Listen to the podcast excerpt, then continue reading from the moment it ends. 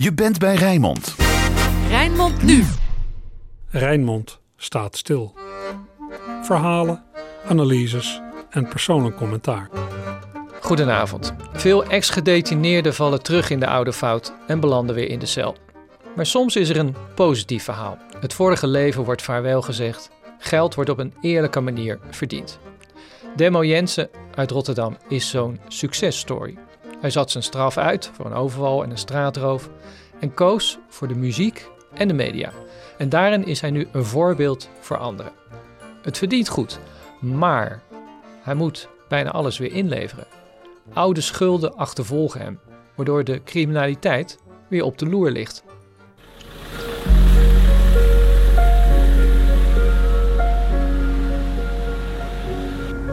De publieksprijs is gewonnen door Jensen. Ik haal een fucking radioprijs. Ik doe dit, ik doe dat. Ik ben nog een voorbeeld voor fucking veel mensen. Die zich herkennen in mijn verhaal en shit. En het is negen jaar geleden dat ik voor het laatst in aanraking ben geweest met justitie en zo. En ik ben nu nog steeds. Heb ik daar stress op, man. Ik snap dat echt niet. Dus wat moet ik nu gaan doen dan?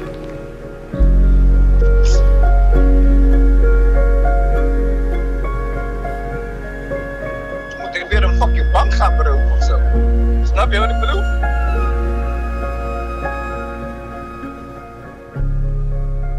Een fragment uit de documentaire Lost Boys vijf jaar later, die de EO komende maandag uitzendt. Gemaakt door Margit Balog. Het is het vervolg op de eerdere documentaire Lost Boys over de Antilliaanse bende waar Demo Jensen toen in zat. Margit besloot hem te blijven volgen. Ik heb altijd wel gedacht, ik ben heel benieuwd hoe het verder gaat met de jongens na uitzending van de film. Ben ik wel benieuwd hoe, wat het hen gebracht heeft of dat er andere ontwikkelingen zullen zijn. En Demo kon je toen ook al zien hè, dat hij heel veel skills had, heel intelligent was en dat hij heel graag wilde een nieuwe uh, richting in zijn leven opslaan. Dus we hebben ook altijd contact gehouden. Ik heb zelfs nog met Demo samengewerkt voor een andere documentaire die ik toen gemaakt heb, waarin hij research heeft gedaan, maar ook zelfs de interviews heeft gedaan. Het was allemaal helemaal prima, helemaal leuk. Echt meteen van, ik ga een volgende film maken over vijf jaar. Nee, dat wist ik toen nog niet. Pas op het moment dat hij mij belde en zei, ik ben genomineerd voor de NTR Radioprijs, dacht ik van, ja, maar dit is zo goed nieuws. Het kan dus wel, dacht ik. Iemand met, als een ex-gedetineerde jongere, als hij de juiste mogelijkheden krijgt en de juiste handvaten, bijvoorbeeld door zo'n baan wat hij heeft, dat zijn bedrijf, ondanks dat ze alles van hem weten, toch zeggen, joh, bij ons kun je aan de slag, hier krijg je een nieuwe start wij geloven in jou. Dan zie je dat zo iemand vleugels krijgt. Ja. En dan uh, dacht ik van ja, dat vind ik echt een mooi verhaal om te vertellen. Je wilde dus een hele positieve film maken. Ja, dat was, dat was de insteek. Ik dacht van nou, dat is dit moment nu om, te, om, om dit vast te gaan leggen. Ja. Maar het pakte dus anders uit. Deze Rijmond staat stil gaat over schuld en boete. Over het criminele verleden dat als een schaduw boven het heden blijft hangen. Het is vooral het verhaal van Demo Jensen, een jongen met enorme talenten die slachtoffer is van de bureaucratie.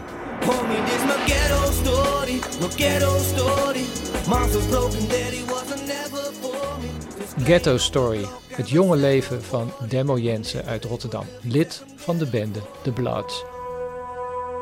De beste kweek van heel Rotterdam. Dat is shit, nigga. Dit is hoe we het doen.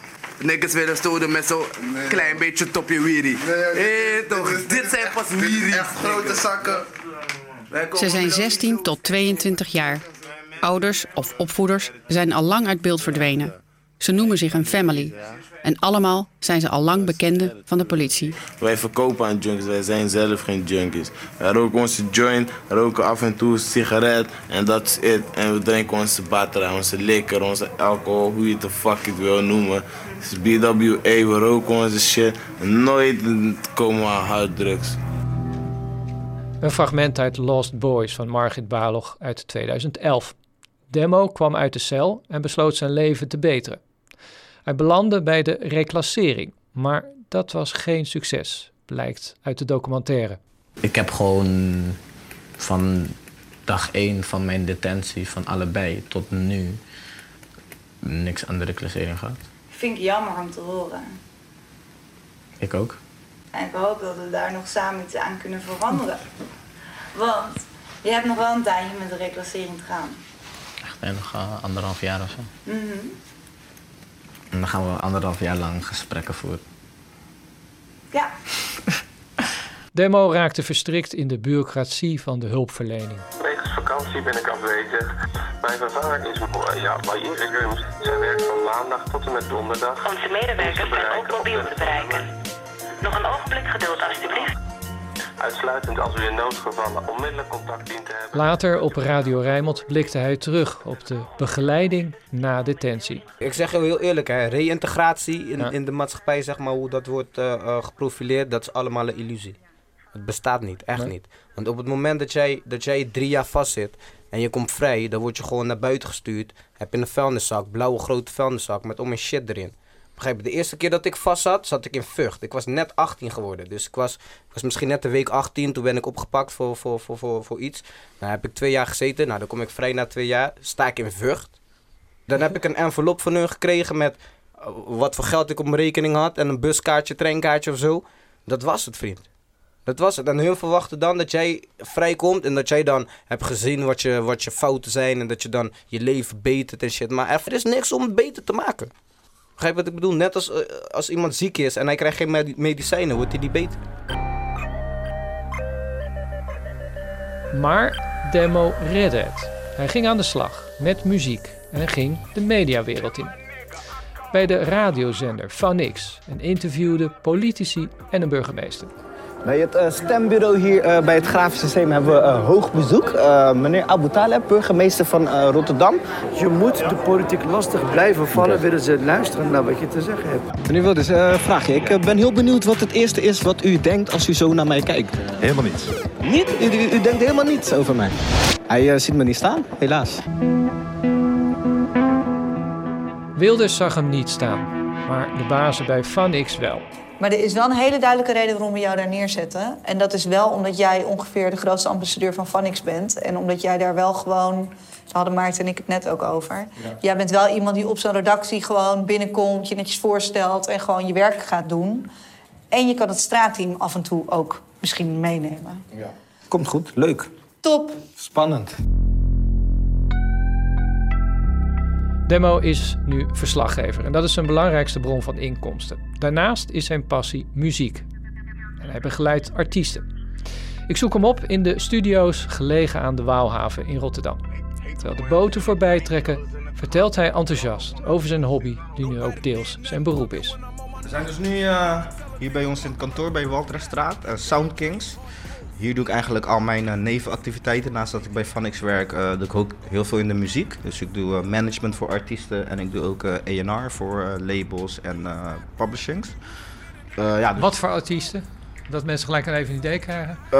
Nou, ik doe een best wel grote DJ, DJ Superior. Ehm, die gaat heel binnenkort een EP uitbrengen, wat ik heb gefixt met allemaal grote artiesten. Jay, Atje, Nelson Vrijtas, echt grote namen. En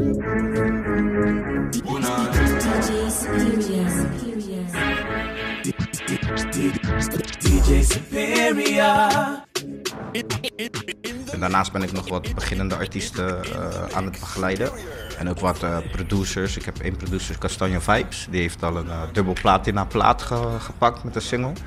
Dus wel echt, ze zijn wel echt lekker bezig, man. En ik ben echt trots op ze.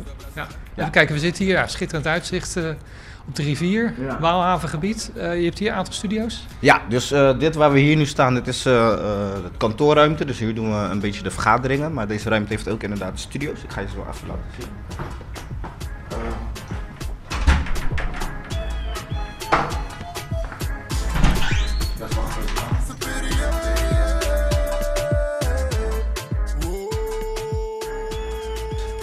Ziet, gewoon eh, keyboard, eh, mic, boxen. ja, gewoon alles wat je nodig hebt om eh, goed muziek te maken. Dus hier zitten we heel vaak met de jongens muziek te maken. Nodigen we ook artiesten uit om hier met mijn producers te gaan werken of andersom. Ja, dus hier haal ik echt heel veel plezier uit, man. Dit zijn de momenten waar ik niet hoef te denken aan alle hoofdpijn, zeg maar, in mijn leven. Dus, Alle schulden. Ja, ja, inderdaad. Dus hier kan ik gewoon lekker mezelf zijn, lekker creatief zijn. Ja. Eh, en dat heb ik echt nodig af en toe om gewoon even uit te zonen, zeg maar. track die we hier hebben opgenomen. Met eh, de producer van mij en een artiest uit Den Haag, Pinas. Dus daar ben ik wel echt trots op. Ik ben op cake, al mijn mannen eten mee. Hey. Jij bent op cake, al je mannen eten mee. Hey. Dus alles moet mee. Eh, Dit is? Eh, dit is Pinas, is artiest. En eh, die producer van mij, Castanje Vibes, heeft de beat gemaakt. Eh, en dit hebben we echt vorige week gemaakt of zo. Dus we zijn nu even aan het kijken wanneer we hem gaan uitbrengen en zo. Maar dit, ja, ik vind dit echt een toffe nummer, man.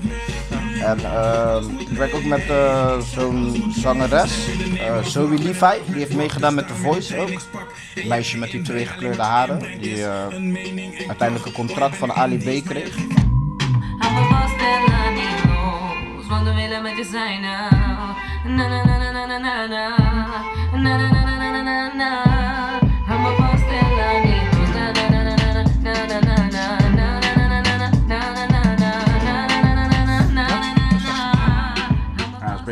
Dus zo beginnen we eigenlijk met de melodielijn in elkaar zetten. En dan uiteindelijk gaan we eh, teksten ervoor verzinnen die passen in die melodielijn. En dan heb je uiteindelijk een hele track. Zeg maar. Zegt we, wat, wat is jouw rol?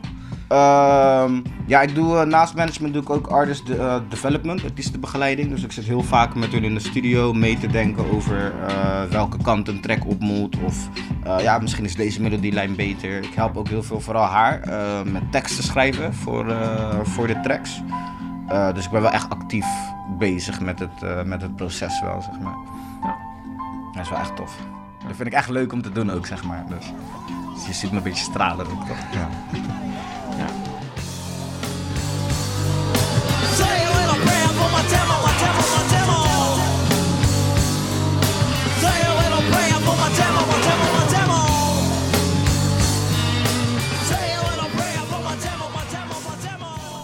Het gaat dus goed met Demo. We gaan op de bank zitten, kijken naar de voorbijvarende boten en bespreken zijn inkomsten. Ehm, ik verdien wel redelijk goed, vooral bij Vanix. Ik heb bij Vanix natuurlijk gewoon een vaste baan fulltime. Dus daar krijg ik gewoon wel echt een goede salaris. Eh, ik ben ook ehm, vanaf 1 maart eh, heb ik promotie, dus krijg ik ook weer een hogere salarisschaal. Dus ik verdien eigenlijk meer dan genoeg om zeg maar een normaal leven te leiden en nog twee, drie keer per jaar op vakantie te gaan, bij wijze van spreken. Ja. Maar alleen gewoon door heel veel dingen in het verleden eh, zie ik eigenlijk dat geld niet. Nee. En dat, dat is zo frustrerend, dat je zo hard werkt om zeg maar zoveel van je leven te maken, maar dat je er soort van geen benefits van terugziet. Ja. En dat maakt het soms moeilijk om alles te blijven geven of zo. Wat betaal je per maand aan schuldeisers? Zo, ehm, ik heb nu allemaal regelingen met verschillende schuldeisers. Ik betaal nu, even kijken, 150, 300, 500. Rond de 1000 euro, 1100 euro per maand. Weet je wat het is? Het is zo eh, onoverzichtelijk. En dat is het grootste probleem. Want ik betaal dan bijvoorbeeld de schuldeiser af. Dan bel ik hem van, nou, nou hoeveel staat er nog open? En dan betaal ik heel dat bedrag. En dan twee maanden later krijg ik weer een brief van hun dat er toch nog iets open staat ergens anders of zo. Ja, ja. En dat is fucking frustrerend. Dat zie je ook in die documentaire, zeg maar. Ik, op een gegeven moment heb ik dan een lening genomen bij de ING om gewoon al mijn schulden af te betalen. Zodat ik alleen maar één schuld heb bij de ING. Het was voor mij veel overzichtelijker en dan blijft het niet verhogen. Ehm, toen was ik naar Curaçao gegaan voor het eerst in acht jaar. Mijn ouders weer gezien. Eh, omdat ik dacht van, nou, het kan eindelijk, weet je. Ik, ben, eh, ik, ik, ik ben wat, wat, ik heb wat meer speling, zeg maar. En een paar dagen voordat ik terugkwam naar Nederland, zou ik mijn salaris moeten krijgen. Zou ik nog wat eh, dingen kopen voor eh, familie en vrienden hier. En ineens kreeg ik weer mijn salaris niet, maar 700 euro of zo. Dus ik in paniek mijn werk bellen, et cetera. Bleek dat er gewoon weer loonbeslag eh, Ja. eh, was gedaan. Dus toen ik in Nederland kwam, toen ging ik die deurwaarders bellen. En het bleek dus een van de deurwaarders die ik had betaald met die lening van de ING. Compleet afbetaald. Dus ik bel ze, ik zeg, ik heb jullie twee weken geleden geld gestuurd. Hoe kunnen jullie nu ineens loonbeslag doen? Zegt ze, ja, eh, weet je wat het is? We hadden nog een filiaal in Alphen aan de Rijn. En daar was eigenlijk ook nog een dossier van jou open. Maar we hadden die vergeten mee te nemen, et cetera, et cetera. Dus ik zeg, oké, dat kan gebeuren. Maar waarom neem je dan niet contact met mij op? Van hé, hey, we zijn iets vergeten, kunnen we iets regelen? Waarom doe je dan gelijk loonbeslag zonder contact met mij op te nemen? Ja, sorry, en we hebben het al gedaan, dus we kunnen het niet terugdraaien, et cetera, et cetera. Ja, kijk maar wat je doet. En dat is zeg maar hoe ze altijd te werk gaan. Het maakt ze gewoon niet uit. Ze willen gewoon geld. De eerste eh, verhoging is 50% en de tweede verhoging is 100%. Maar die verhogingen die zijn wettelijk zo vastgelegd. Dus daar is verder ook eh, weinig aan te doen. Hè, ja, dan zou u een brief, eh, een brief moeten sturen naar, eh, naar ons. En dan, eh, ja, dan gaan ze er naar kijken. Maar ja, ik kan u dus niet garanderen ja, of er dan een regeling of iets getroffen kan worden. Ja, dan weet ik het helaas ook niet. Wie is dan zo'n schuldeiser? Aan wie moet jij dan het geld betalen? Ehm, ik heb nog schulden van Vestia van 2010, dat is uh, huurachterstand. Eh, van de tijd dat ik vast zat, net vrij kwam, et cetera. Toen, eh, ja, je huur gaat gewoon door natuurlijk. Dus ja. ehm, daar heb ik veel eh, dingen van.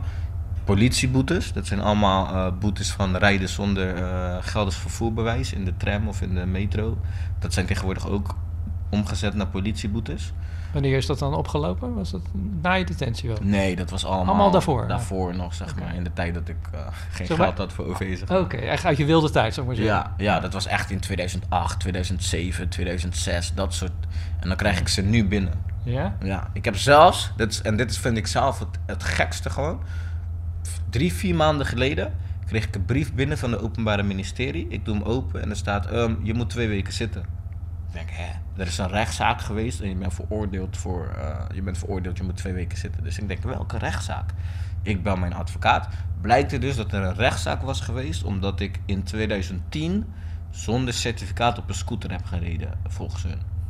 En dan moest ik twee weken voor vastzitten. Vier maanden geleden, terwijl het in 2010 gebeurde. Dus acht jaar later. En ik heb mijn leven helemaal op orde. Dus ik heb werk, ik heb een huis. Ik heb... Als ik twee weken moet gaan zitten, dan komt het allemaal in gevaar. Voor niet rijden eh, met een certificaat in 2010. Ja, dat vind ik belachelijk. En dan komen we op zo'n rechtszaak met mijn advocaat. Dat was dan, we hadden hoge beroep aangetekend tegen Ja. die brief. Hadden we de hoge beroep. En dan komen we daar binnen en dan gaat de officier van justitie als eerste aan het woord. En die zegt dan, eh, ja, we vinden het zelf ook heel vervelend. Maar ja, regels zijn regels. Hij moet gewoon die twee weken zitten. Zo begint hij dan die... Dan denk ik, vreemd, regels zijn regels. We zijn toch allemaal mensen. Je kan toch kijken naar menselijkheid. Van, oké, kut. Weet je, het is acht jaar geleden. Hij heeft heel zijn leven omgegooid. Misschien moeten we hem gewoon een boete geven. Of een taakstraf of iets. Je gaat me niet twee weken voor dat laten zitten. Nou, uiteindelijk heb ik die rechtszaak gewonnen. Omdat, er, omdat ze niet konden bewijzen dat ik de persoon was die ze hadden aangehouden. Omdat die boete was niet goed ingevuld of zo. Ja. Er stond alleen mijn achternaam en voor de rest niks. Ja. Maar dan denk ik, ja, ik heb dus heel die tijd met die stress gelopen van oh, misschien moet ik twee weken zitten, misschien moet ik twee weken zitten. Terwijl, waar is dat voor nodig? Ja. En dat, dat remt iemand gewoon echt in zijn doen en laten. Want ja, je gaat niet allemaal dingen ondernemen terwijl je denkt, ja, dadelijk moet ik vastzitten en dan raak ik alles kwijt. Ja. Dus dan gaat je leven op een soort van hold of zo. Voor niks eigenlijk. En dat is gewoon, elke week is er weer zoiets. Ja? Ja, elke week is er weer iets anders. Hoeveel schulden heb je nog in totaal staan? Eh, nu zit ik eh, rond de 60.000, 55.000, zoiets. Ja. Ja, dat is geen grap. En de hele, het mooiste is dat zeg maar, mijn schulden zelf zijn ongeveer 30.000 euro. En de rest wat er bovenop is, zijn allemaal verhogingen van instanties, deurwaarders, boetes, eh, incassokosten, weet ik veel. Ja. Dus uiteindelijk betaal ik meer aan extra kosten aan de deurwaarders dan dat ik betaal voor de schulden die ik heb. Want zodra ze een brief sturen en ze kunnen dat sturen wanneer ze wil, kost het me gewoon 150 euro. Ja, dat vind ik belachelijk. Ja, dat is echt een soort visueuze cirkel Ja. waar je nooit meer uitkomt. Ja. Dat slaat nergens op. Dus ik betaal 300 euro, dan gooi jij weer 300 euro erop. Als ik dat weer betaal, nou, dan komt er vast wel weer iets bovenop. Ja. En zo ja, ga je gewoon nooit van je schulden afkomen.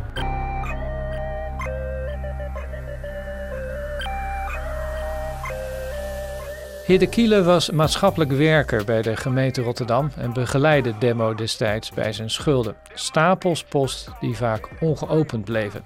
Een fragment uit Lost Boys, vijf jaar later. Dus kijk hoor, deze is in september naar je verstuurd, deze ook, deze ook, deze ook. Dus dat is eh, meer dan drie maanden geleden. Ja. Hoe komt dat?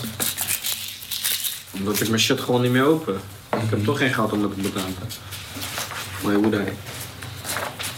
Maar je weet ook dat als je, als je het dicht houdt, dat dingen ook erger kunnen worden, toch? Veel erger kan het niet meer worden. Nou ja, erger kan het worden op het moment dat de politie voor de deur staat natuurlijk.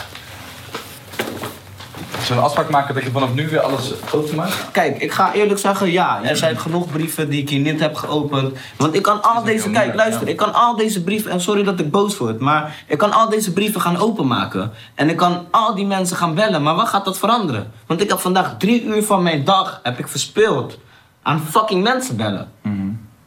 En na die drie uur ben ik geen ene millimeter opgeschoven. Snap je? Niks.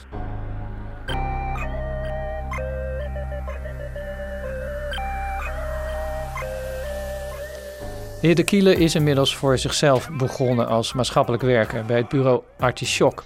Ik vraag hem hoe hij aankeek tegen die blijvende stapels post van schuldeisers voor Demo Jensen. Nou, Soms word ik er wel moedeloos van. En Jameson is natuurlijk niet de enige eh, eh, eh, Rotterdamse burger die ik heb geholpen met dit soort problematiek.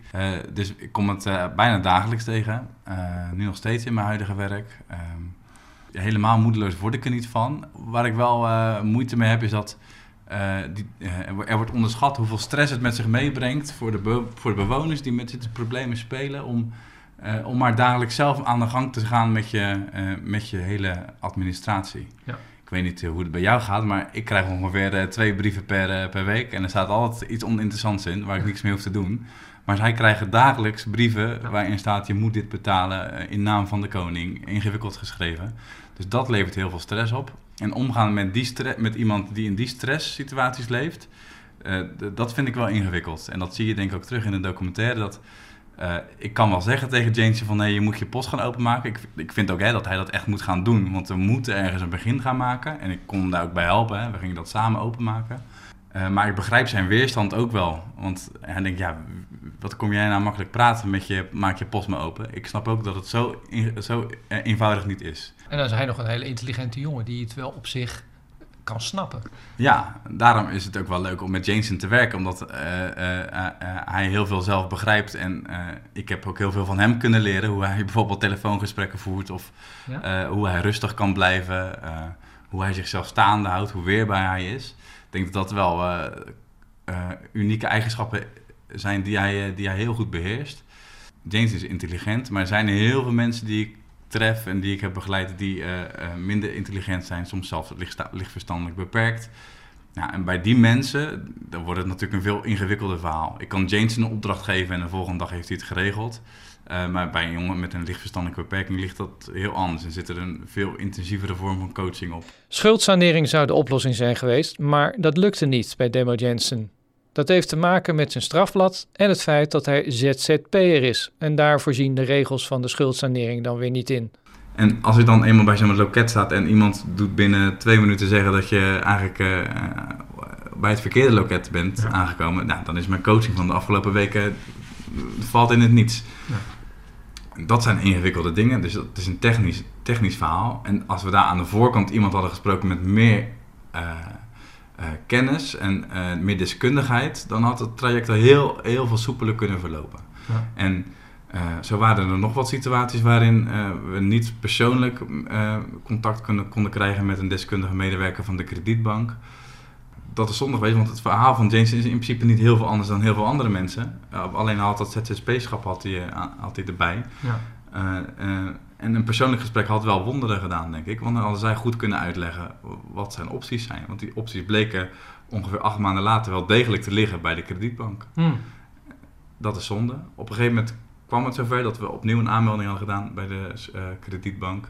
Toen kwam er een, budget, een budgetplan en een, eh, eh, eh, wordt er een voorstel gedaan aan Jameson van nou, dit, dit stellen wij voor aan jou. Ja, dat plan klopte niet. Hij hield 0 euro onderaan de streep zonder boodschappen te hebben gedaan. Er werd geen rekening gehouden met de beslagen die werden gelegd op zijn loon. Ja, dat was het punt dat dat traject opnieuw, opnieuw stuk liep.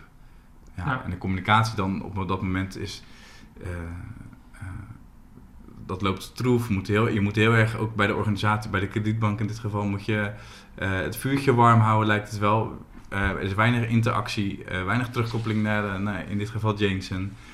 Ja, dan verliest zo'n jongen dan het vertrouwen. En ja, dat is, dat is killing, denk ik, in dit soort trajecten. En daar gaat heel veel mis met dit soort, met dit soort casussen. Dat mensen zich wel aanmelden, maar door alle romslomp en ingewikkeldheden die er worden bedacht, vallen die mensen uit. En dat heeft niet te maken met motivatie, maar dan kom ik weer terug op dat stressverhaal. dat stressniveau zit zo hoog. En mensen gaan dan eh, eindelijk met de billen bloot en eh, proberen de hulp eh, te organiseren. Ja, en dan wordt het zo moeilijk gemaakt. En dan wordt het eigenlijk niet gehoord. En dat is Ja. jammer.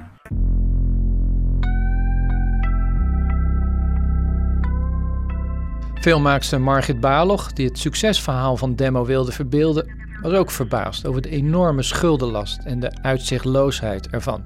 En ze wist toen, ik moet een andere film maken. Op een gegeven moment neem je besluit, maar dit wordt het verhaal. Het gaat over de schulden van Demo. Dus succesvol aan de ene kant, aan de andere kant weer naar beneden getrokken worden. En ook weer langzaam terug naar geen oplossing en dus misschien maar weer terug naar de criminaliteit.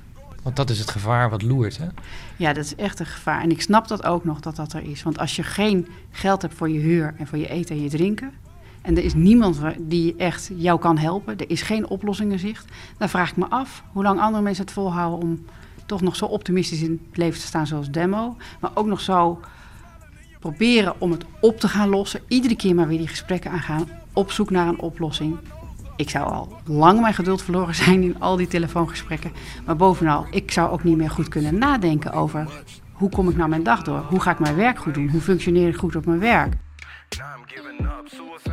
Ook Hidde Kiele ziet dat gevaar, het mogelijk terugvallen in de criminaliteit. Hij herkent dat als maatschappelijk werker. Ja, helaas wel. Dat heb ik wel veel gezien. Dat die, die stap is vrij snel, eh, vrij snel gemaakt. Ik ben denk ik vijf weken geleden ben ik nog bij de reclassering geweest met een, eh, met een jo- jongen van eind 20. En ik was daarbij bij een gesprek. Hij moet daar één keer in de andere, of één keer in de twee weken moet hij zich daar melden. Vanuit het toezicht dat hij heeft. En ja, die gesprekken met hem, die zijn gewoon op, het, op dezelfde manier ingericht als dat je ziet in de documentaire. Dus nog steeds, oké, hoe is het deze week gegaan? Hoe is het op je werk? Nou, en die jongen die dropt daar een paar hulpvragen van. Ik heb nog steeds geen inschrijfadres, mijn contract loopt af, eh, eh, ik heb ruzie met mijn vriendin. Oké, en aan het einde van dat is, dat, dat is het dan, er zit er geen vervolg aan. Ja, dat, dat is toch een gemiste kans. En dat is- dan laat je iemand helemaal komen. Die jongen moet vanuit eh Pernis, daar werkte die. Moet je, elke twee weken moet hij helemaal naar Marconiplein reizen. Voor een gesprek van 10, 15 minuten, waar hij niks uithaalt. En dan vervolgens gaat hij weer weg. Hij heeft zijn verhaal gedaan, maar hij wordt er niet bij ondersteund. Nou, dat baart mij wel zorgen, want deze jongen die is inmiddels zijn baan kwijt en heeft niet de skills en vaardigheden om een nieuwe baan te vinden. Eh, om goed te solliciteren, dus heeft hij echt begeleiding bij nodig. Eh, maar is ook een jongen die bijvoorbeeld snel agressief wordt als het even niet goed gaat. Eh, waardoor hij ook snel verkeerd begrepen wordt. Daar hou ik mijn hart vast voor dit soort, eh, voor dit soort gevallen. And I'm shining bright, cause I'm really grinding. They ask me if I'm real. Demo heeft zo'n 60.000 euro schuld. En hij weet dat hij er in één klap af kan komen. Op een bepaalde manier dan. Maar ja, dat is nou net wat hij niet wil.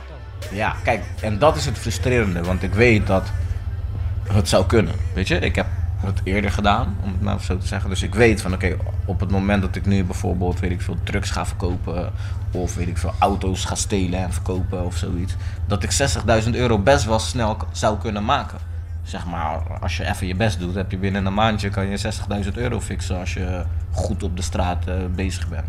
Maar ja, de risico's die daarmee komen, dat wil ik liever niet. En ik heb ook mezelf beloofd of zo dat ik een andere kant op ga met mijn leven. En ik ben dat heel goed aan het aanpakken. Eh, dus aan de ene kant denk ik, ja, zal, wil ik dat allemaal weggooien alleen maar om even snel van mijn schulden af te zijn? Ja, ik denk het niet. Maar het is wel frustrerend omdat elke dag heb ik dat gevoel. Misschien moet ik gewoon weer even. Dan ben ik er zo vanaf, al die hoofdpijn. Misschien moet ik even, even één keer. Het is gewoon lastig. En elke keer wat ik zeg, elke week gebeurt er weer iets. Dus elke week zeg maar, wordt die druk groter. Van, moet je niet gewoon even wat oude vrienden connecten en weer aan de slag gaan of zo? Heb je nog contact met uh, dubbelaars? Uh, sommige Bestaan wel, ze nog? Ik weet het niet. Eh, Mm, ja, wel in mindere mate. Dus niet, niet, niet echt meer zo actief als, als vroeger. Die jongens zijn ook allemaal natuurlijk ouder geworden. Dus dan krijg je ook andere verantwoordelijkheden. Veel hebben kinderen eh, eh, gekregen en zo. Dus dan ga je toch meer proberen om voor je kinderen te zorgen, werk zoeken en dat soort dingen. Ehm, maar er zijn wel vooral Smokey, Lil G. Die zie je ook het meeste in de eerste docu. Daar ben ik nog echt heel goed mee. Vooral met Smokey ben ik echt heel Ja. goed. Eh, maar de rest die niet echt of zo. Nee. Er zijn veel jongens die nog met dezelfde mindstate bezig Ja? zijn, snap je? Maar En- ben je voor hun ook een soort voorbeeld van jongens, het moet anders, het kan anders, je ziet het aan mij? Ja, zeker man, zeker. Ik hoor dat echt dagelijks in mijn leven. Dat mensen zeggen, ja, je bent echt een voorbeeld voor mij. Of je inspireert me, vooral dat. Dat, dat zeg maar, mensen die dan tegen mij zeggen van... mm, ja, ik twijfelde of ik weer een opleiding zou gaan doen. Of, ik twijfelde of ik het zou redden om mijn droom achterna te zitten. Maar ja, vriend, als jij het kan, dan ga ik het ook gewoon proberen. Dat soort dingen. Of mensen die mij zeg maar benaderen van... Oh, ik heb je documentaire gezien. Ik zit in hetzelfde. Echt love dat je dit vertelt. Uh, of mensen die zeggen, ja, ik heb op uh, school tijdens maatschappijleer, dat horen we ook nog bijna elke week, moesten we je documentaire kijken, echt heel tof. Dus ik krijg wel echt veel goede reacties, dus dat, dat doet, doet me ook wel goed. Dat is ook wel motivatie, zeg maar. Ja. Maar je zou nog meer een rolmodel kunnen zijn als je van die schulden af was. Ja, zeker. Zeker. En dat vind ik zeg maar het jammerste eraan. Want uh, de overheid is heel erg bezig met uh, recidivisme. Uh, dus dat mensen die, die zeg 80% volgens mij van jongeren die vrijkomen, gaan terug uh, binnen een jaar terug de gevangenis in. Snap je? Dus op het moment dat jij dan zegt van nou, wij willen heel graag uh, dat tegengaan, dan moet je toch juist, vind ik dan, mensen als mij, die zeg maar kunnen laten zien van luister, dit is ook wat ja. je kan doen als je vrijkomt. Zeg maar op een platform zetten, uh, ondersteunen om die rol te spelen voor andere mensen en ook gebruiken. Snap je? Dus op het moment als je dan die eerste documentaire ziet, als je ziet die strijd die ik met de reclassering heb bijvoorbeeld. En dat ik na het uitzenden van die docu meerdere malen heb aangegeven. Ik zou heel graag een keer met de reclassering aan de tafel willen zitten. Gewoon om te praten, weet je. Wat is goed gaan volgens mij, wat is goed gaan volgens jullie. Wat slecht gegaan, wat zou misschien beter kunnen. Want ik ben een ervaringsdeskundige. Ik kan jullie heus wel wat dingen leren misschien. Jullie mij ook, tuurlijk. Maar ik jullie ook. En daar staan ze vaak niet voor open om dat ze denken... ja, maar dat zijn ex-gedetineerden of dat zijn mensen met schulden... die worden ook altijd gezien als domme mensen of zo. Van ja, want je hebt schulden, dus dan ben je vast dom met geld of vast ja. dit of vast dat. En dat vind ik jammer. Weet je, praat gewoon met zo iemand, want die heeft levenservaring. Die kan jou gewoon misschien tips geven hoe jij jouw werk ook beter kan gaan doen. Ja. Maar te weinig mensen staan daarvoor open en dat vind ik jammer. Ja, je kan ook zeggen eigen schuld, dikke bult. Ja, je hebt toen uh, vijf jaar heb je geloof ik gezeten, bijna ja, uh, overval gepleegd. Tja, dit zijn de gevolgen, meneer Demo Jensen. Ja, dat je ja, nu op de blaren zit al uh, jaren, dat is je eigen schuld. Ja, ik hoor dat wel al vaker. Maar ik vraag me dan af, zeg maar, op het moment dat mensen dat zeggen, vraag ik me dan af waarom ze mensen uh, gevangenisstraf geven. Want op het moment dat jij mij een gevangenisstraf geeft voor iets wat ik heb gedaan en jij zegt ik vind dat jou, uh, uh, dat ding wat jij hebt gedaan, dat, dat, dat je daar vijf jaar voor vast moet zitten, dan moet ik zeg maar als ik vrij ben gekomen, het is nu acht jaar geleden dat ik ben vrijgekomen. Vind jij dus dat ik nu nog steeds acht jaar nadat ik zeg maar vrij ben gekomen, eigen schuld, dikke bult. Ja. Dus hoe lang moet ik nog zeg maar boeten voor iets wat ik tien jaar geleden heb gedaan, toen ik 18 was? Toen ik nog een jonge, domme ziel was. Snap je wat ik bedoel? Dus op het moment dat ik heb beseft voor mij van oké, okay, dit is echt, ik ben echt dom bezig. Heb ik een om, ommekeer gemaakt van mijn leven. Heb ik eigenlijk alles gedaan wat iemand hoort te doen om zeg maar een leven. En daarnaast nog andere jongeren die het moeilijk hebben proberen mee te nemen en dan is het nog steeds eigen schuld, Dus wat moet ik dan nog doen om, ja. zeg maar, mezelf te redeemen? Dan, dan weet ik echt niet meer wat, uh, wat ze nog van mij verwachten, zeg maar. Wat zou nou de beste oplossing zijn? Voor mij persoonlijk? Ja. Uh, dat iemand mijn schulden okay. Ja, nee. Um, iemand die luistert en denkt, nou... Ja, ja ik nee? heb nog 60.000 euro liggen. nee, ik denk uh, voor mijzelf... Um, ik, ik zou heel graag willen dat uh, de manier hoe incassobureaus, deurwaarders en ook bijvoorbeeld belastingdienst en zo, hoe hun gelden innen, ik vind dat daar echt goed naar gekeken moet worden. Want momenteel werken ze gewoon als maffia's met ondersteuning van de staat. Want op het moment dat een incassobureau een brief stuurt naar de rechtbank van nou, we willen beslag leggen daar of we willen zijn huis leeghalen, 9 van de 10 keer krijgen ze gewoon een akkoordstempel zonder dat er uh, in de zaak wordt gedoken van oké, maar hoe zit het? Kan die persoon niet betalen? Of heeft hij het... Snap je? Het is gewoon, oh oké, okay, moet hij betalen? Oké, okay, hier, ga maar leeghalen. Snap ja. je? Maar je weet helemaal niet wat je aanricht in iemands leven. Zo. En dat je het misschien juist moeilijker maakt voor zo iemand om, om, om alles af te betalen. Ja. Eén ding wat ik ook echt heel grappig vind, is um, als je zeg maar brieven krijgt, of als je ook op de tv bij Jinek en De Wereld Draait Door en zo, als ze het hebben over mensen met schulden, dan hebben ze één bepaalde zin die altijd samen is. En ik begrijp dat niet. Ze zeggen dan altijd mensen die niet kunnen of willen betalen. En ik, ik snap niet hoe dat zeg maar hetzelfde is voor, voor iedereen. Dus als ik niet kan betalen, Ja. vind je dat ik hetzelfde behandeld moet worden als iemand die het wel kan, maar het niet wil. Dan krijg ik dezelfde soort boetes, dezelfde soort aanpak. Terwijl ik het heel graag wil. Want ik heb al laten zien, vriend, ik wil van mijn schulden af. Ik Want heb, hoeveel heb je in totaal al betaald? ik heb nu iets van 30.000 al afbetaald, zeg maar, over de, over de 5, 6 jaar heen. Snap je? Dus ik doe echt mijn best om het te betalen. En dan nog steeds behandel je mij als iemand die het niet wil. En dat moet, ik vind dat dat nu gesplitst moet worden. Er moet gewoon een andere aanpak zijn voor mensen die niet kunnen betalen. In vergelijking met mensen die niet willen betalen. Dat kan je gewoon niet over inkomen scheren.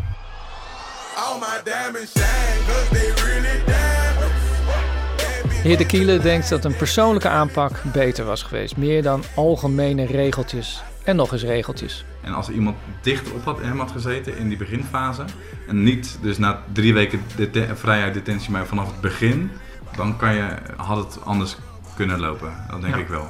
En dat is, het- Jameson is een, eh, hoe zeg je dat, Eh, is eigenlijk een, eh, een makkelijk traject. Dus ik hoef, ik hoef hem niks te leren. Hè? Hoe hij zijn carrière heeft eh, uitgestippeld.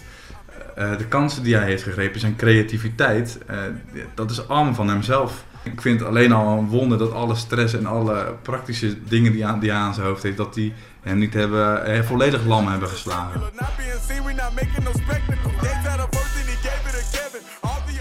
Zou de film van Margit Baloch nog iets teweeg kunnen brengen ten gunste van Demo en de anderen? Haar vorige film, Lost Boys, leidde tot veel commotie, met name over de rol van de reclassering. Wat kan het effect zijn van Lost Boys vijf jaar later?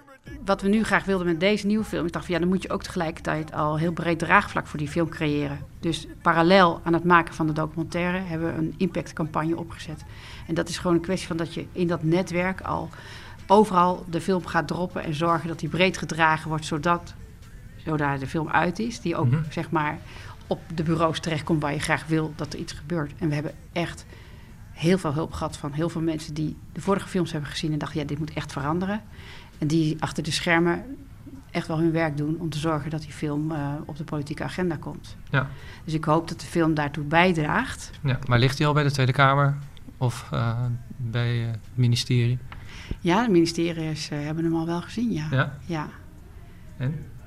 Ja, ze gaan natuurlijk nooit tegen ons zeggen van... nou, dit wisten we nog niet of zo. Dat weten ze, dit weten, dus ze kennen deze problematiek. De impact van deze film is denk ik dat je heel goed ziet... ook al ben je heel goed op de hoogte van de problematiek... dat je ziet wat het met iemand doet. Hoeveel stress het veroorzaakt. Hoeveel ellende het veroorzaakt. Hoe onmogelijk het is om door het systeem heen te breken. En Demo is echt natuurlijk het gezicht in die film. Het, is gewoon, het geeft een gezicht aan die problematiek. En de impact is daardoor wel groot. Bovendien vragen we ook altijd of Demo meegaat naar alle vertoningen die we doen. En dan ja, ga dan maar uitleggen aan Demo wat de oplossing is. Of waarom er geen oplossing is. Ja. Dus als de film in dat opzicht kan bijdragen dat er iets gaat bewegen, zou dat natuurlijk een fantastisch resultaat zijn. En ik denk echt dat de boel gaat bewegen. En dat ligt niet alleen aan deze film, dat ligt aan heel veel dingen die er nu gebeuren. Maar ehm, ja, ik gun het Demo heel erg.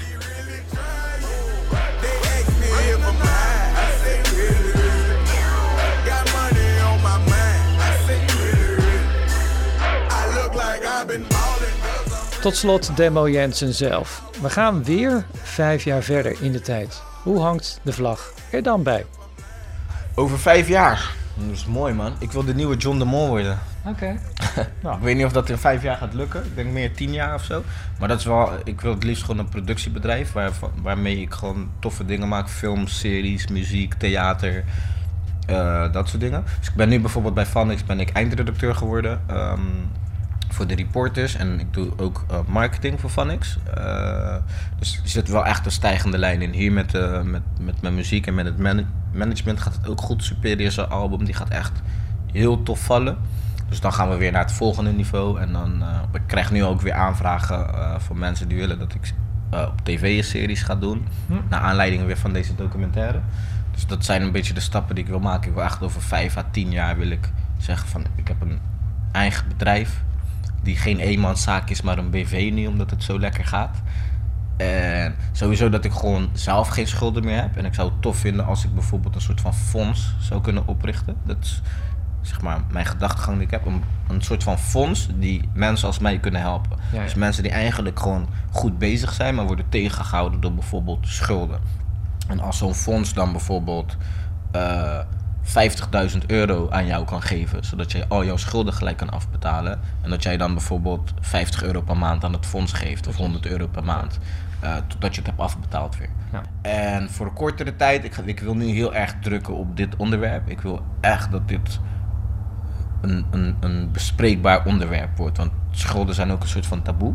Veel mensen vinden het lastig om te zeggen dat ze schulden hebben of om hulp te zoeken als ze schulden hebben. En ik wil eigenlijk door mezelf ook zo open te stellen laten zien van bro, ja luister, iedereen heeft dit, iedereen loopt hier doorheen. Laten we er gewoon over praten, want dat is de enige manier om op- oplossing te vinden.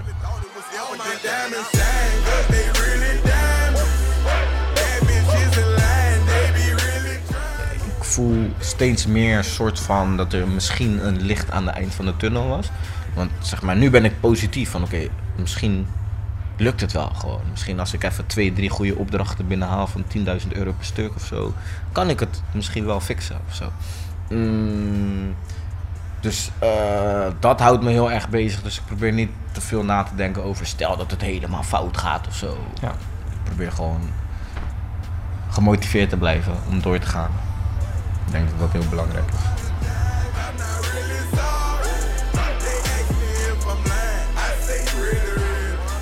Tot zover Rijnmond staat stil over Demo Jensen, schuld en boete. Terugluisteren kan via de podcast en op rijnmond.nl. De documentaire Lost Boys vijf jaar later is aanstaande maandagavond om vijf voor negen op NPO 2. Nog een prettige avond.